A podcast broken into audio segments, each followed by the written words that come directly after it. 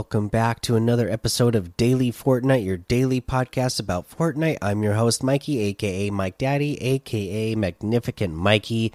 Yesterday, you heard that rebroadcast that we did covering the uh, very recent uh, issue of the Batman Fortnite Zero Point. Uh, it was my son's birthday, so yeah, it definitely was uh, focusing on some family time and didn't uh, record a new episode. But we got a new one here for you today, so let's uh, dive into all the news that we have. And there's, uh, you know, a, a, few things to get to.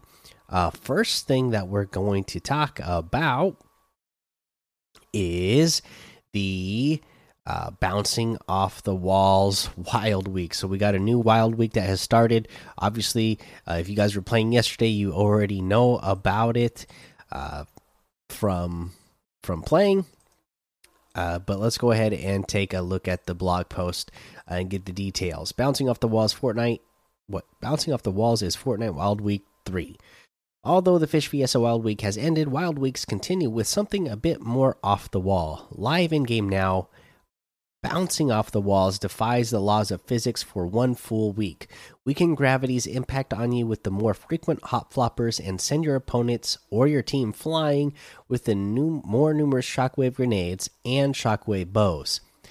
Also, yes, bouncers are unvaulted, and that is pretty awesome. I love bouncers, they're so much fun uh, to do all kinds of like, you know, fun retakes with or trick shots or just uh, you know bouncing around is always a good time. Uh, with hop floppers and shockwave grenades all around, you'll have jumping you'll have a jumping start in this week's legendary quest.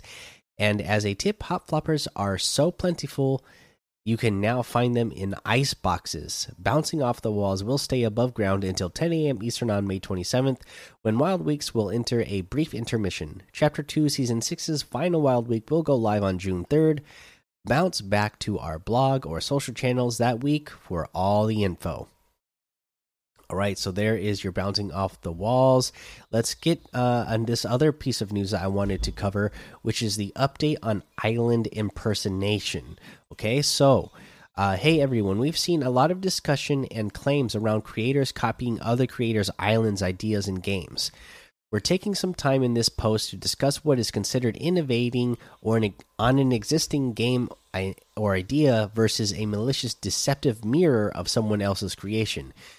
The two examples we are talking about here are the difference between making a map because it is a popular game mode and innovating on the existing genre to draw in players and build your own community, and using a map's same exact name, iconography, images, thumbnails, or videos to trick players into visiting your island where they think they are playing the original map and not a new one we actually already have a rule against this here. says give credit where it's due. On your hub island, do not try to take credit for content that you link to that you didn't create. Don't impersonate other users, streamers, celebrities, government officials, Epic employees, or anyone else. And don't take credit for a another user's creation. Pretending to be someone else in order to deceive or defraud defraud others is not okay. But felt it needed further clarification. What is not okay? Use of identical imagery, screenshots, video utilized to promote other games or islands. Using the exact same name as a popular game in an attempt to gain players and visibility.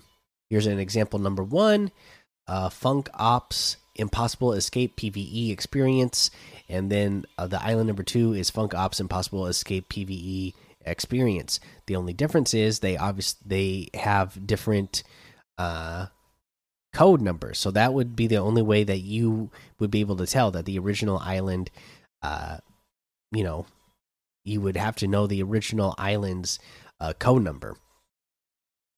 Uh, in in this example, Island number one, the original has code one one one two two two three three three four four four, and the the the copying has two two two three three three four four four five five five. But if somebody doesn't know and they're using the same exact screen capture, they're using the same title and everything, uh, you know, somebody might not know.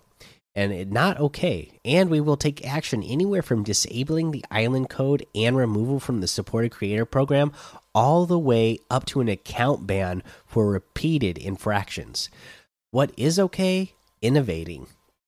What that means is taking an existing popular game type and adjusting or tweaking it in some way. Generally, this is done with the goal of potentially attracting new players on top of the existing ones who enjoy that mode. We believe this creates the space for this innovation to occur while providing clearer boundaries when it comes to islands that could be deceptive in nature. So there you go. There is some guidelines to follow when you are making your creative maps and different game modes, especially with all the game modes that are possible out there now. Again, don't just like straight up steal and copy somebody's exact map and uh, steal their name and uh, screen capture so that you can make it look like it's your own. Not cool. Okay, let's get back into what we have going on in the game here. Right now, let's go ahead and look at the LTMs today.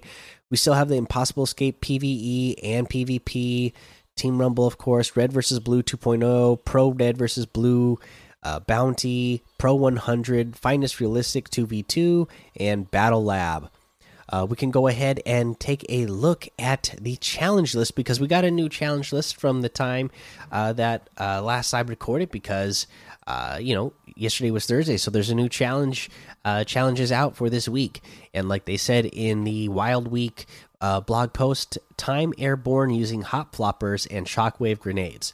We know hop floppers are more plentiful, and so are shockwave grenades, and it's 100 seconds, 200, 300, 400, and 500 you know you just got to get to that first one for that 100 though. Uh, and pretty easy when you have so many shockwaves and the hop floppers around. Uh, let's see here. We also have eliminate a player while slimming, swimming. Deal damage to players with 30 second within 30 seconds of landing from the battle bus.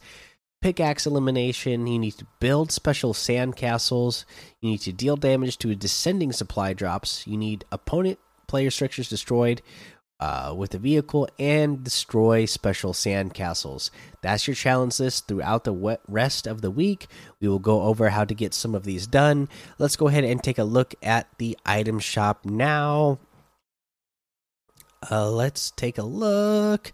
We have the Fortnite Stakes, Snakes and Stones Challenge Pack, Knights of the Food Court, Double Agent Pack, Shadow Pickaxe Pack, Batman Zero Bundle, Beast Boy bundle, all still here. We have the Baki outfit with the Moki back bling for 1,200. You got the Bonehead outfit with the back burner back bling for 1,500. The Magma wrap for 700. The Kodaks harvesting tool for 800. The Never Gonna emote for 500. We have the Sweaty emote for 200. And we have the Arc outfit with the Arc Wings backbling for 2000 the Divine Wrap for 500, the Virtue Harvesting Tool for 800, the Malcore outfit with the Malcore Wings backbling for 1500, the Evil Eye Harvesting Tool for 1200, and then we have in the paint section, okay? So this is where we're going to get our NBA stuff added into the game here. First up, the shoot and score pack. So you get the mini hoop back bling, take it to the rack, and the hook shot toy shoot shoot a hook shot, and so it's a basketball. So you get the the basketball uh, backboard and hoop, and the basketball itself for 600 V bucks. You have the dribbling emote for 500.